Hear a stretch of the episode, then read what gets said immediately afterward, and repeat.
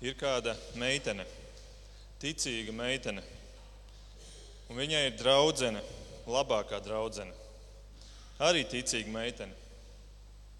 Šī draudzene tic Dievam, lūdzot Dievu, lasot Bībeli, bet tad vienā dienā viņa pasaka šo, un tas ir patiesa stāsts.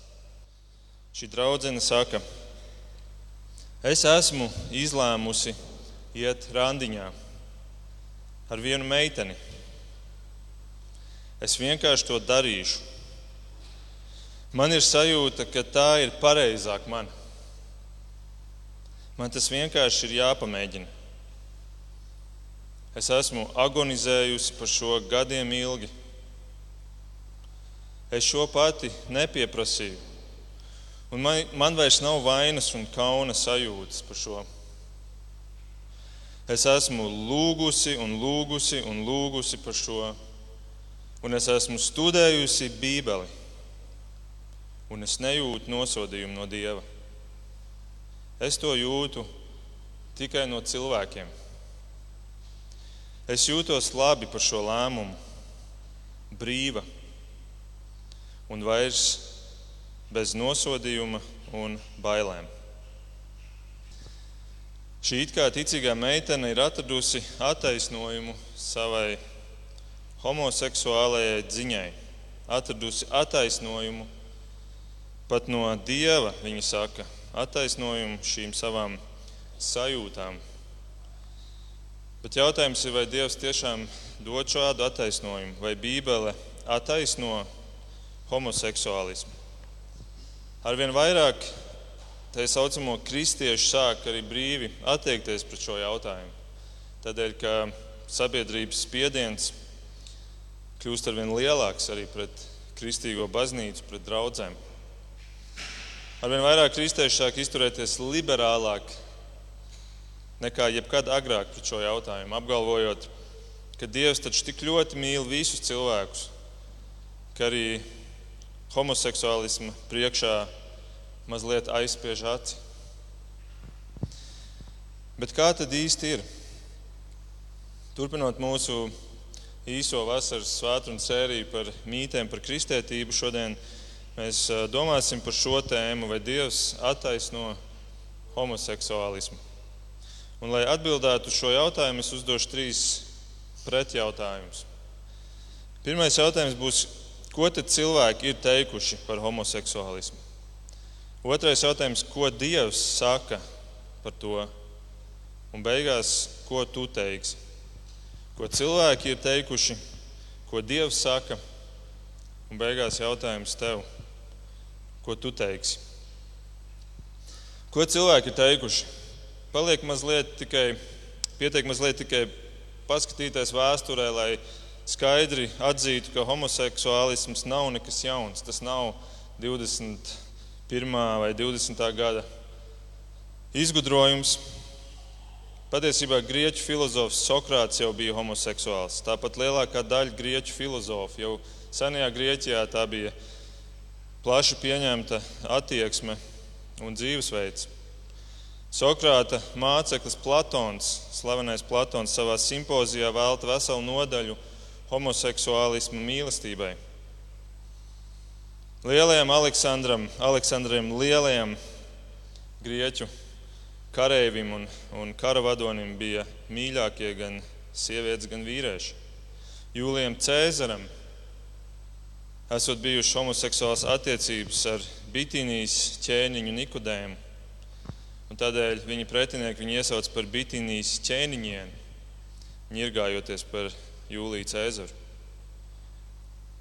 Romiešu vēsturnieks Sutonijs raksta, ka no pirmajiem 15 cēzariem 14 esot bijuši homoseksuāli.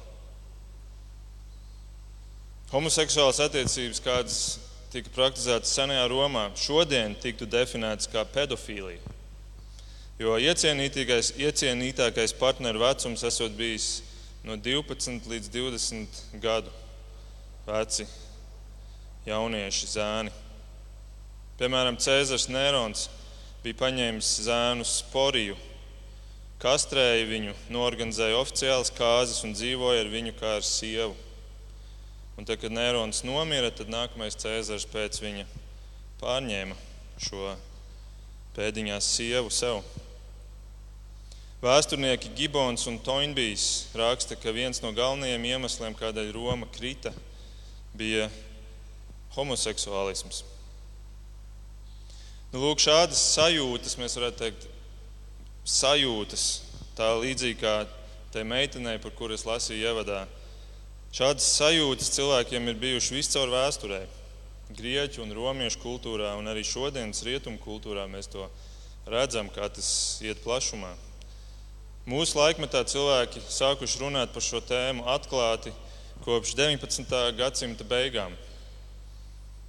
1881. gadā austriešu neiroloģis Sigmunds Freuds, kuru sauc arī par psihoanalīzes tēvu, veica dažādus pētījumus, un viena no tiem arī par homoseksuālismu.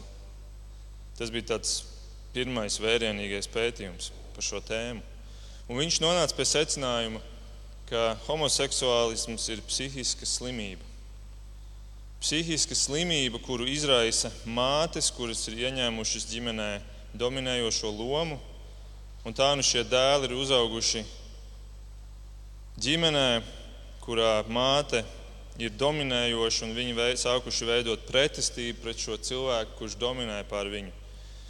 Un tā kā šī pretestība ir sākusi veidoties pret sievietēm, tad attiecīgi seksualitāte ir tikusi vērsta pret vīriešiem. Tas tas, ko Freuds paziņoja 19. gadsimta beigās. 1897. gadā angļu ārsts Haveloks Ellis izdeva grāmatu par seksualitāti un homoseksuālismu. Tajā viņš apgalvoja, ka Freuds, kur es tikko citēju, ka viņš kļūdās, ka homoseksuālisms nav gan slimība, bet viņš sāk uzskaitīt dažādas slavenības, kā Erasmu un Michelangelo, kur esot bijuši homoseksuāli. Līdz ar to tā nav slimība, bet šie cilvēki ir bijuši ģēniji tieši tādēļ, ka viņi ir bijuši homoseksuāli. Un tā nu, tā nu Elis uh, izdeva terminu ģēniju gēns. Tātad pagriez šo visu jautājumu pretējā gaismā, ka tas ir tieši kaut kas ļoti, ļoti liels un labs un, un kaut kas tāds, pēc kā mums vajadzētu tiekties. Un tā nu sāka meklēt, cilvēki sāka meklēt ne tikai ģēniju gēnu, bet vēl vairāk geju gēnu. Geju gēnu. Un pēc tam 1948. un 1953. gadā iznāca slavenie Kinzija ziņojumi. Divas grāmatas no biologa Alfrēda Kinzija, kurā viņš raksta pirmajā par vīrieša un otrajā par sievietes seksuālo uzvedību. Un tajā Kinzijas normalizēja dzimuma attiecības ārpus laulības, netikumīgu dzīvesveidu un arī homoseksuālismu. Viņš apgalvoja, ka viens no desmit cilvēkiem pasaulē ir homoseksuāls. Šodien ir pieejams daudz grāmatas, kuras atspēko šos kinzīju datus, atspēko kā nepatiesus.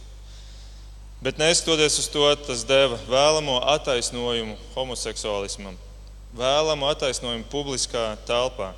Cilvēks bija pateicis, ka tas ir kaut kas normāls. Un pietika ar to, pietika ar šo starta signālu, lai 50. gados Amerikas Savienotajās valstīs sāka izplatīties dažādas publiskas kustības, kuras sāka attaisnot šo lietu. Tā skaitā tika atvērtas daudzas geju saunas, kuras deva vīriešiem anonīmā veidā tikt pie partneriem, lai šīs savas iekārtas apmierinātu. Un šajās geju saunās būtiski, jeb šīs geju saunas būtiski ietekmēja aids un citas seksuālo transmisīvo slimību izplatību Amerikas Savienotās valstīs. Tas bija kā tāda eksplozija. Bet aktivitātes vērsās plašumā un arī spiediens no, šiem, no šīm kustībām, kuras atbalstīja homoseksuālismu, sāka pieaugt. Un tā nu 1973. gadā Amerikas Psihiatru asociācija pēc milzīgas spiediena bija piespiesta svītrot homoseksuālismu no slimību reģistra. Līdz tam, līdz pagājušā gadsimta 73. gadam, homoseksuālisms skaitījās slimība. Un šajā gadā tātad cilvēks paziņo, ka mēs izsvītrojam šo parādību, šo dzīvesveidu, šīs sajūtas no slimību reģistra. Es citēju Džeimsa Dobsona grāmatu Zēnu audzināšana, kurā ir teikts tā: Homoseksualitāte ir novirze, lai gan Amerikas Psihiatru asociācija to noliedz. Geji un lesbietes, tā skaitā daži psihiatri, izdarīja lielu politisku spiedienu uz šo profesionālo organizāciju, liekot tai atzīt, ka homoseksualitāte ir normāla. Debates ilga gadiem. Visbeidzot, 1973. gadā tika pieņemts lēmums svītrot šo stāvokli no organizācijas diagnostikas un statistikas rokas grāmatas. Šādam lēmumam nebija zinātniska pamata bet to lielā mērā ietekmēja asociācijas locekļu balsojums, ko ierosināja un finansēja Nacionālā geju un lesbiešu komisija. Par šīm izmaiņām nobalsoja 5800 cilvēku asociācijas locekļu. Pret bija 3800. Amerikas psihologu asociācija drīz izdarīja to pašu. Psihologi un psihiatri, kuri nepiekrīt šai politiski koriģētajai interpretācijai, vai kuri pat mēģina palīdzēt homoseksuāļiem mainīties, šodien ir pakļauti nemitīgiem uzbrukumiem un apsūdzībām par ļaunprātīgu rīcību. 1973. gads. Piecus gadus vēlāk mākslinieks Gilberts Beikers no San Francisco izveidoja varavīksnes karogu kā simbolu šai kustībai, lai ir kaut kas vizuāls, pie kā pieķerties un ko virzīt kā tādu logotipu vai, vai vizuālo simbolu. Un līdz pat šodienai šis simbols ir redzams šī, šajās šo organizāciju veidotajos pasākumos. Šie simboli, jeb šīs krāsas, nozīmē rozā krāsa dzimums, sarkanā dzīvība, oranžā dziedināšana, dzeltenā saules gaisma, zaļā daba, tirkīzā maģija un māksla, zilā rāmums un violetā gars. Skaisti jēdzieni, skaisti skaisti nosaukumi, skaistas krāsas. Un, uh, cilvēks ir paņēmis šo kā simbolu, lai virzītu šo savu dzīvesveidu. Un mēs arī šodien labi pazīstam šo karodziņu, un esam viņu arī bieži redzējuši un redzam ar vien biežāk, visticamāk. 2003. gadā Massachusetts kļuva par pirmo štātu ASV, kurā tika legalizētas vienzimuma laulības. Un 2015. gadā tika pieņemts vēsturiski nozīmīgais lēmums, ka visa ASV legalizē vienzimumu laulības. Un ASV šajā ziņā kļuvuši par paraugu citām valstīm. Par paraugu citām valstīm. Un arī šodien Latvijā, kā jūs droši vien zinat, vāc parakstus, lai panāktu vienzimumu laulību legalizēšanu. Vāca un vāc un vāks. Par spīti tam, ka nav atrasta nekāda pierādījuma, ka homoseksuālisms ir iedzimta lieta, nav atrasts geju gēns. Tāpat kā šīs asociācijas tika spiestas pieņemt lēmumu bez zinātniska pamatojuma, tāpat arī šodien tiek virzīta visa šī kustība ar pamatojumu, ka tas ir kaut kas iedzimts, ka to nevar mainīt, ka tas ir kaut kas normāls. Un pieņemams. Nav atrasts geju gēns, un varbūt tie no jums, kuri seko līdzi šim jautājumam, atcerās, ka burtiski pirms gada, 2019. gada augustā, gandrīz visos lielajos ziņu portālos pasaulē parādījās liels virsraksts. Geju gēna tomēr nav. Jo pēc vērienīga pētījuma ar 500 tūkstošu respondentiem rezultāts tika pasludināts, ka tomēr tāda geju gēna nav. Lai jūs paturētu vienkārši acu priekšā, kāds bija šis, šī diena, šis paziņojums, es jums nolasīšu dažus virsrakstus tikai no, no pasaules slaveniem laikrakstiem un ziņu portāliem. The Guardian rakstīja, Lielais virsraksts - Zinātnieki atspēko ideju par atsevišķu geju gēnu. Forbes lielais virsraksts - Geju gēns ir mīts. Scientific American lielais virsraksts - Masveida pētījumā nav atklāts vienzimuma ģenētiskais cēlonis. Time rakstīja, nav tādas lietas kā geju gēns, apgalvo jauns pētījums. CNN virsraksts. Nav tāda geju gēna, kas palīdzētu paredzēt seksuālo orientāciju, teikts pētījumā. The Economist virsraksts. Zinātnisks pētījums atklājis, ka geju gēna nav. Harvard Magazine raksta, joprojām geju gēna nav. Telegraph Geju gēns ticis izslēgts, jo vērienīgs pētījums liecina, ka vide ir galvenais homoseksualitātes faktors. Tas, lūk, lai jūs paturētu acīs, ka šāda lieta apmēram pirms gada atskanēja plaši visā pasaulē. Tas ir tas, lūk, ko cilvēks ir spiests bijis teikt. Geju gēnam, no esot izsvītrotam no cēloņa saraksta, tomēr tiek meklēti citi iemesli, lai pamatotu šo kustību. Telegrāfs, kā jau jūs tikko dzirdējāt, teica, ka tā ir vide, kura ietekmē. Citi raksta, ka labi, tas nav viens gēns, bet tā ir daudzu gēnu. Daudz, tas ir daudzu gēnu kopums. Citi saka, ka tās ir mātes. Tikai ne izvēle. Tikai ne izvēle. Lai nebūtu jāsaka, ka tā ir izvēle, tiek meklēti citi iemesli. Nu, lūk, tas ir tas, ko cilvēki ir teikuši par homoseksuālismu. Tāds īsts apkopojums. Bet ko tad Dievs saka par to? Ko Dievs saka? Bībele sākās ar veco derību, ar pirmā mūzes grāmatu, pirmo nodaļu. Un jau tur ir teikts tā, ka Dievs radīja cilvēku pēc sava tēla, pēc Dieva tēla viņš radīja to vīrieti un sievieti. Viņš radīja. Tātad Dieva tēls ietver vīrieti un sievieti.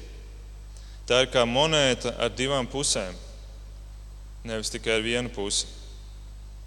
Otrajā nodaļā ir rakstīts, tāpēc vīrs pametīs savu tēvu un māti un pieķersies savai sievai, un viņi būs viena miesa. Šī monēta ir pilnīga tad, kad ir viena puse šāda, otra puse tāda. Viņi būs viena miesa.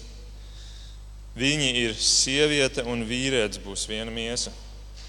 Tāds ir tas skaistais Dieva nodoms. Šajā pantā pirmo reizi atskan Dieva grība vai Dieva prāts par to, kādai jābūt ir seksualitātei starp cilvēkiem. Šī ir kā tāda glezna, šī šī seksualitāte tiek kā tāda glezna ielikt rāmī, un tas rāmis ir viens vīrietis un viena sieviete. Skaista glezna ar skaistu rāmi. Bet cilvēks šo rāmi ļoti ātri ir salauzis. Vispār cilvēkam ir kaut kāds talants salauzt dieva skaistos mākslas darbus, izpostīt ne tikai grieķiem un romiešiem vai rietumu kultūrai šodien. Bet ziniet, jau pirmajā mūzes grāmatā, pirmajā grāmatā Bībelē, šis rāmis tiek salauzts gabalos, burtiski. Tas tikai atklāja, ka cilvēkam ir kaut kāda dziļa problēma jau pašā būtībā. Jau pirmajā mūža grāmatas ietvaros šis rāmis tiek salauzts gabalos. Pirmā mūža četri ir pirmā atkāpja no rāmja. Šī rāmja, kas ir viens vīrietis, viena sieviete, jo tur lemehs apņem divas sievas, ādu un cilu. Šeit vairs nav šis viens plus viens, šeit ir viens plus divi. Pirmā mūzes seši, sestajā nodaļā mēs lasām, ka iejaucas krituši eņģeļi saukti par dieva dēliem un ņem sev sievas no cilvēkiem. Vairs nav vīrietis un sieviete, bet kaut kāds vispār dīvains salikums starp kritušiem eņģeļiem un, un, un cilvēku sievieti. Un tā skaitā šī iemesla dēļ Dievs ir spiests turpat sastajā nodaļā teikt, man ir žēl, ka es tos esmu radījis. Iedomājieties, jau sastajā nodaļā, pirmajā Bībeles grāmatā Dievs jau nožēlo, ka Viņš ir radījis šo pasauli. Un Dievs restartē to no jauna caur plūdiem. Un tad viņš dod varavīksni kā simbolu, ka viņš vairs nerastartēs pasauli šādā veidā. Viņš dod pasaulē otro iespēju, un viņš dod varavīksni kā simbolu, ka viņš nesodīs cilvēku, neiznīcinās cilvēku vairs šādā veidā. Tad Gilberts Bakers, šis, šis mākslinieks, šo simbolu, šo logotipu, šo zīmolu ir ne tikai nozadzis, bet viņš ir ieviesis to pretējam nolūkam. Dievs to ir devis kā simbolu žēlastībai, apsolot par grēku šādu vairs nesodīt, bet Beikers šo ievieš, lai grēku attaisnotu un popularizētu. Pēc Dieva varavīksnes tomēr viss turpinās. Pēc restarta viss turpinās 19. nodaļā, joprojām pirmajā mūža grāmatā Latvijas. Mēs lasām par Latviju incestu ar savām meitām. 34. nodaļā mēs lasām, ka Dīna tiek izvarota. 38. nodaļā mēs lasām par prostitūciju, vēl pie tam jūda ar savu vedeklu Tamāru. Cilvēks lauž šo, šo rāmi, šo skaisto rāmu, kur Dievs ir izveidojis. Tu dod cilvēkam otro iespēju, viņš turpina viņu plosīt. Un tam visam pa vidu 19. nodaļā ir vēl Sodoma un Gomora kurā valda homoseksuālisms. Un tā Sātans mēģina izkropļot šo dievskaisto modeli - viena sieviete plus viens vīrietis. Jo Sātans acīm redzot, zina, ka seksuālais grēks ir viens no kārdinošākajiem, viens no efektīvākajiem veidiem, kā cilvēkam salauzt dieva doto darbu šis iekostais, aizliegtais auglis kopš ēdienas dārza, mēs varētu teikt, klusām seko līdz katrai paudzei, transformējies seksualitātes auglī. Un tādēļ divas mūzes grāmatas vēlāk, trešā mūzes grāmatā, kad Dievs dod bauslību cilvēkam, Dievs ļoti skaidri izsakās. Viņš saka, 3. mūzes 18. Ar vīru neguli, kā mēdz gulēt ar sievu, jo tā ir preteklība. Jo tā ir preteklība. Lūk, ko Dievs par šo saka. Tā ir preteklība Dieva acīs. Cilvēks saka, tas ir normāli, pat ja tas nav geju gēns, bet ir veidi, kas, kas dod, dod pamatojumu, ka tas ir normāli. Dievs saka, tā ir preteklība viņa acīs. Kāda preteklība to divas nodaļas vēlāk viņš vēl pastiprināti pasaka. Viņš saka, ja vīrs guļ ar vīru, kā ar sievu mēdz gulēt, abi ir darījuši preteklību, un lai abi tiek nonāvēti, viņu asins ir pār tiem. Šis grēks bija tik nopietns, ka tika ierindot sarakstā ar tiem grēkiem, par kuriem draudēja nāvisots. Un tā mēs varam teikt, ka homoseksuālisms ir destruktīvs grēks. Nāve ir destruktīva. Nāvisots bija skaudrs atgādinājums nepaļauties uz tavām emocijām, uz tavām iekārēm, uz tavām sajūtām. Homoseksualitāte ir destruktīvs grēks, Bībele saka. Un tā mēs varam teikt, kas tieši mūsu ievadā pieminētajai meitenei deva to apstiprinājumu, ka Dievs nenosoda šo viņas izvēli. Kādu dievu viņa lūdza, es atvainojos, kādu bībeli viņa lasīja? Vai tad ar šo jau šiem diviem pantiem nepietiek jau, lai saprastu, ka tas, kas todien ir bijusi preteklība Dievam acīs, šodien nekļūs vienkārši par kaut ko pilnīgi pretēju, kaut ko pieņemamu, atbalstāmu Dievam? Vai tik te problēma nav tajā, ka cilvēks negrib klausīties Dieva vārdos? Tā vietā sev ieceļot citu Dievu, kuram vārds ir manas sajūtas, Viņa, šī meitene, raksta, dažus teikumus vēlreiz nolasīšu. Viņa raksta, man ir sajūta, ka tā ir pareizāk priekš manis. Man ir sajūta, ka tā ir pareizāk. Man vairs nav vainas un kaunas sajūtas par šo. Es nejūtu nosodījumu no Dieva. Es to jūtu tikai no cilvēkiem. Es jūtos labi par šo lēmumu. Sajūtas, sajūtas, sajūtas. Un, mīļais, šis jau nav tikai par homoseksualitāti. Šis ir par katru grēku. Katrs grēks ir izvēle, un, un izvēle, kurā, kurā mēs ieceļam savas iegribas, savas sajūtas Dieva vietā. Kur es pasaku, manas sajūtas man ir svarīgākas nekā tas, ko Dievs man saka vai ko Dievs ir teicis Bībelē. Ja es jūtos citādāk, tad tam ir jābūt pareizāk nekā tam, ko Dievs ir teicis, jo tas atšķirās no tā, kā es jūtos. Dievs saka kaut ko tādu, ko es nejūtu. Atgriežoties pie šī homoseksuālisma, es nezinu, tev jābūt aklam vai kurlam, lai lasītu Bībeli un nonāktu pie secinājuma, ka Bībele attaisno homoseksuālismu. Vai arī varbūt tev jābūt liekulim, kurš gan grib dievu, bet tādu dievu, kas apmierina manas sajūtas. Un Bībeles dievs nav tāds. Bībeles dievs vecajā derībā skaidri nostājās pret šo uz sajūtām būvēto dziņu. Bet, ziniet, pat vēl vairāk viņš to dara jaunajā derībā. Vairākās vietās, bet eh, īpaši vēlos izcelt romiešiem pirmo nodaļu, kuru mēs ievadā lasījām. Jo tur viņš atklāja, kas ir sakne vispār šai visai uz sajūtām būvētajai dziņai. Mēs to Reinis to nolasīja ievadā, bet es vēlos, ka mēs paskatāmies uz viņu atpakaļ gaitā. Un tāpēc, eh, ja jums ir bībeles blakus, paņemiet lūdzu, lai jūs varat vienkārši arī paskatīties līdzi. Atveriet romiešiem pirmo nodaļu, lūdzu, un aiziet uz 26. pantu. 26. un 27. Tādēļ Dievs tos nodevis kaunpilnai kaislēji Viņu sievietes ir apmainījušas dabiskās dzimuma attiecības ar pretabiskām. Tāpat arī vīrieši atmetuši dabiskās attiecības ar sievietēm, savā iekārē ir iedegušies viens pret otru. Vīrieši ar vīriešiem piekopdami kaunpilnas lietas paši saņem pelnītu sodu par savu nomaldīšanos. Redziet, šeit Dievs šīs attiecības sauc par predabiskām un kaunpilnām. Te ir teikts, savā iekārē iedegušies. Tātad, redziet, te ir tas, tās iekāras, ir tās sajūtas. Tu iededzies savā šajās sajūtās.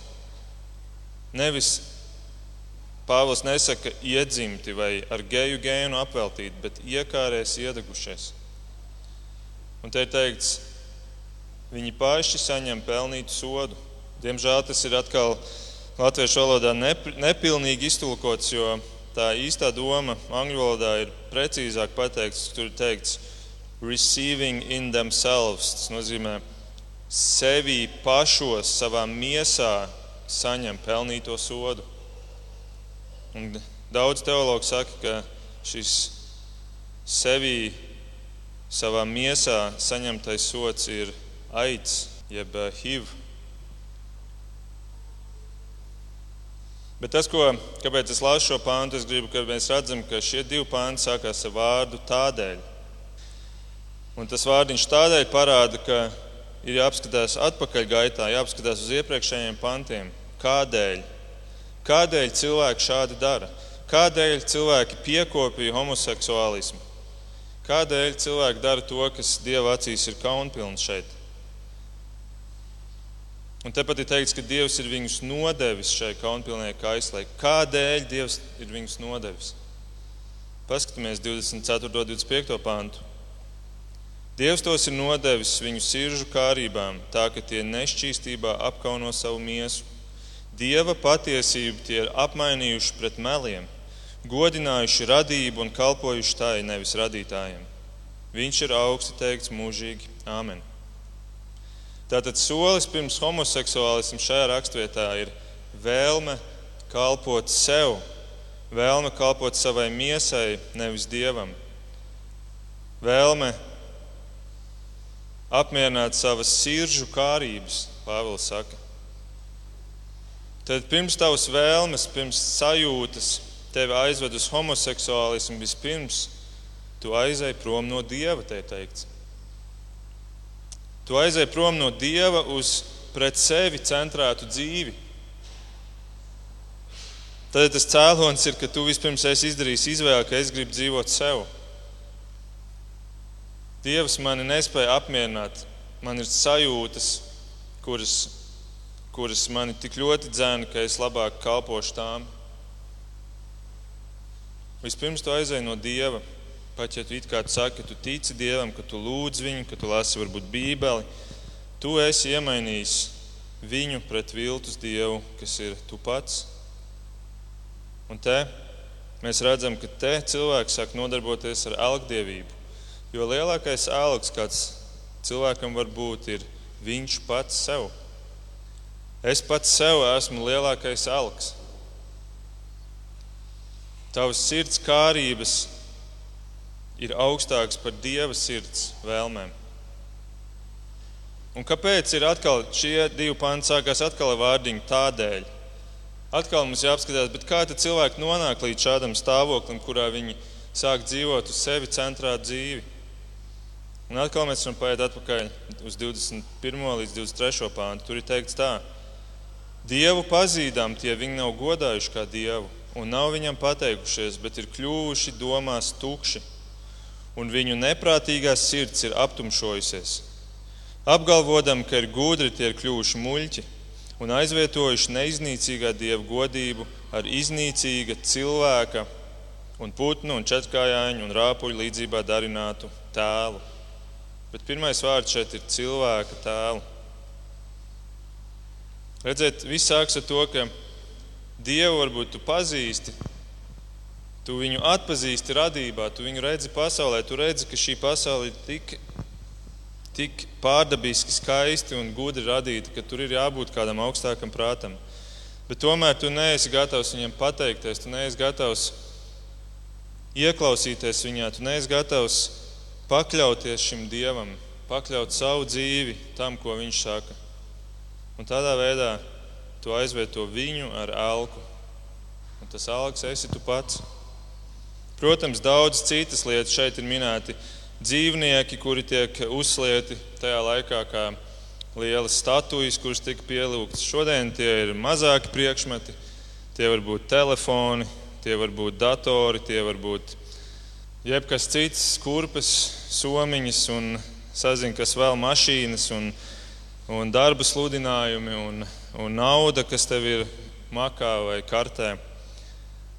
Bet lielākais alks ir cilvēks pats sev. Un, ziniet, tas, kas šeit, ko Pāvils šeit, 23. pantā, šķiet, ir centies pateikt, ir kaut kas ļoti gigantiski liels. Paklausieties, 23. pantā viņš saka, ka šis solis prom no dieva uz sevis paša pielūgšanu uz šo savu sirds vēlmju, iegribu, uz šo savu sajūtu pielūgšanu. Šis solis izraisa to, ka šis tavs es kļūst par tik lielu elku, ka tu sāc pielūgt tādus pašus kā tu. Tu kļūsti par tik lielu elku sev, ka tu sāc pielūgt tādus pašus, kāds esi tu. Ja tu esi vīrietis, tu sāc pielūgt vīriešus. Ja tu esi sieviete un tu kalpo sev, un tu esi sevis paša alks, tu sāc pielūgt sievietes. Un tā nu mēs redzam, šeit ir dotā saikne no elgdievības līdz homoseksuālismam. Tā ir tā pati cilvēka pielūgšana, tikai jau aiznākamajā stadijā. Tā ir tāda paša cilvēka pielūgšana, kāds esi tu. Tu lielais, varenais, visaugstais Dievs sev pašam, kur sajūta apmierināšana ir svarīgāka par tavu radītāju gribu. Tādēļ romiešiem viens šeit dod paraugu, kā sabiedrības, un tautas un kultūras krīt. Viss sākās ar to, ka tu pagriezies prom no Dieva un tu sāc pielūgt cilvēku.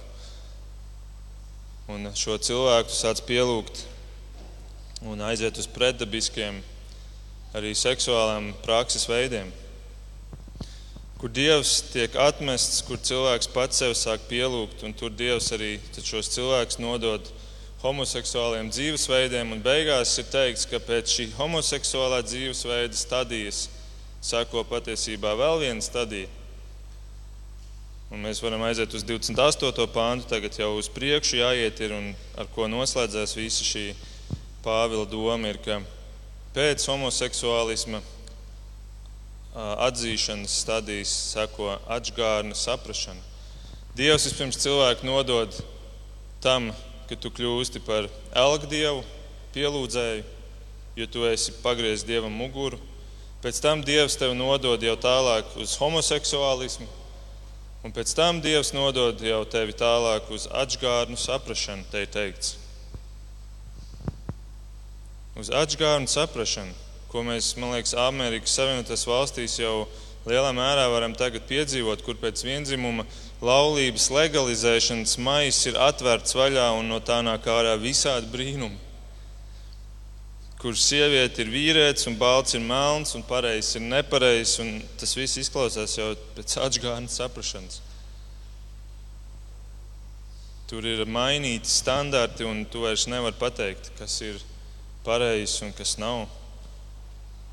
Un šajā stāvoklī es nezinu, vai tur vēl ir atpakaļceļi, jo tev, ja, tev ir, ja tava saprāšana ir tik tālu samaitāta, ka tā ir atgādna, ka tā ir nonāk pie pretējiem secinājumiem, tad kādi tev vēl argumenti vispār palīdzēt var?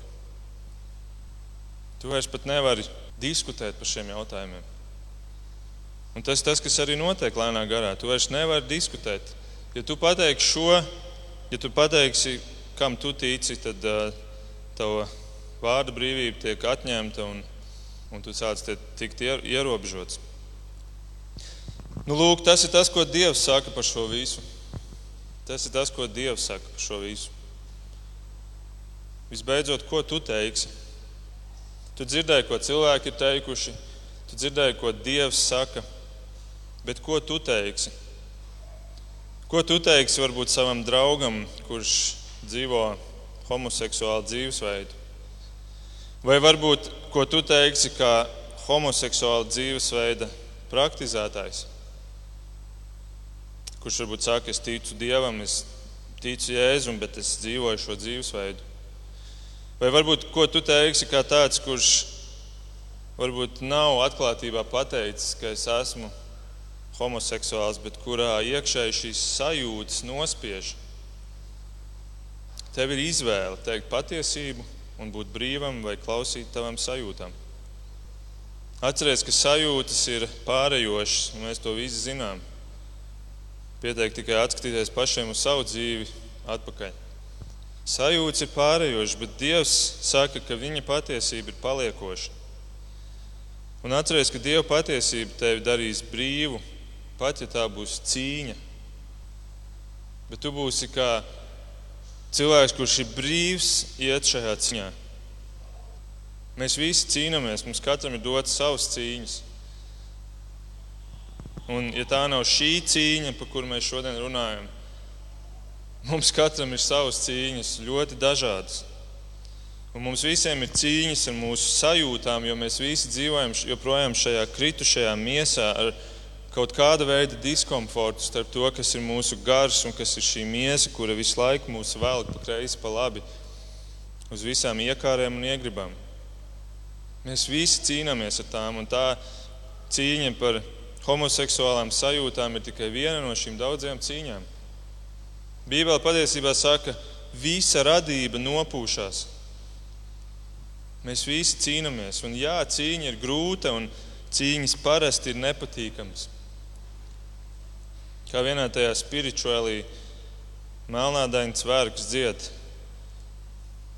Nobody knows the trouble I've seen, nobody knows but Jesus. Neviens nezina tās bēdas, ko esmu redzējis. Neviens nezina, tikai Jēzus. Neviens varbūt nezina, ar ko es cīnos.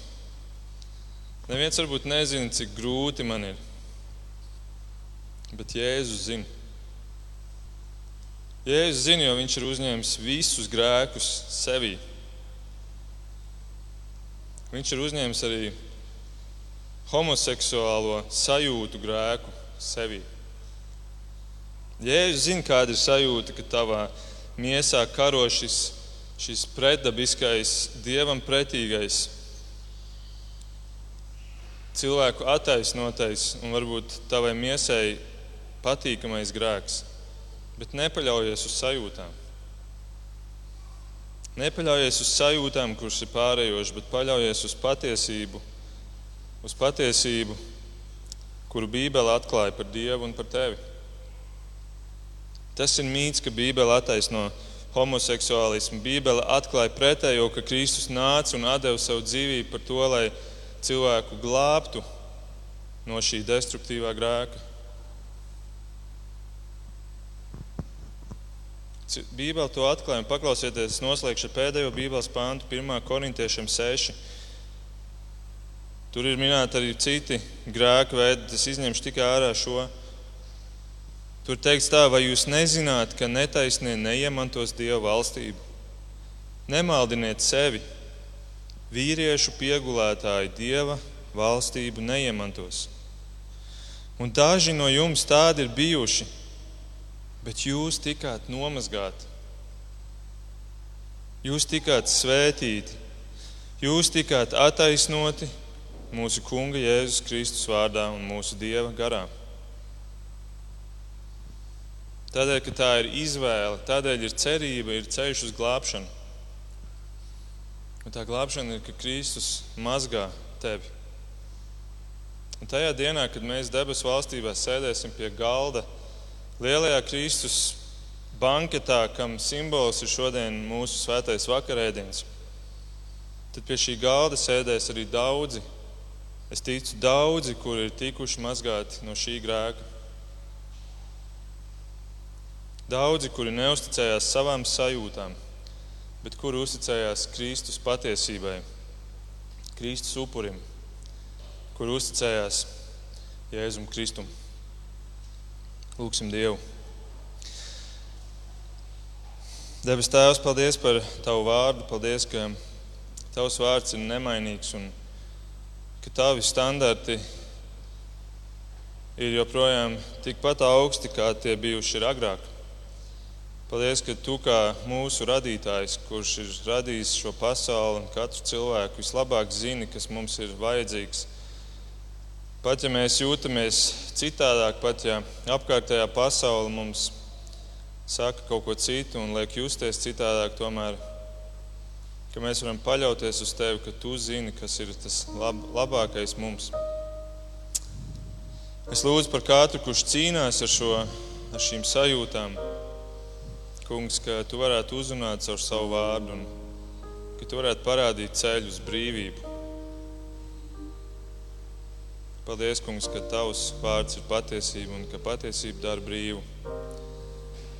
Jā, kungs, to mēs lūdzam Jēzus tavā vārdā. Amen.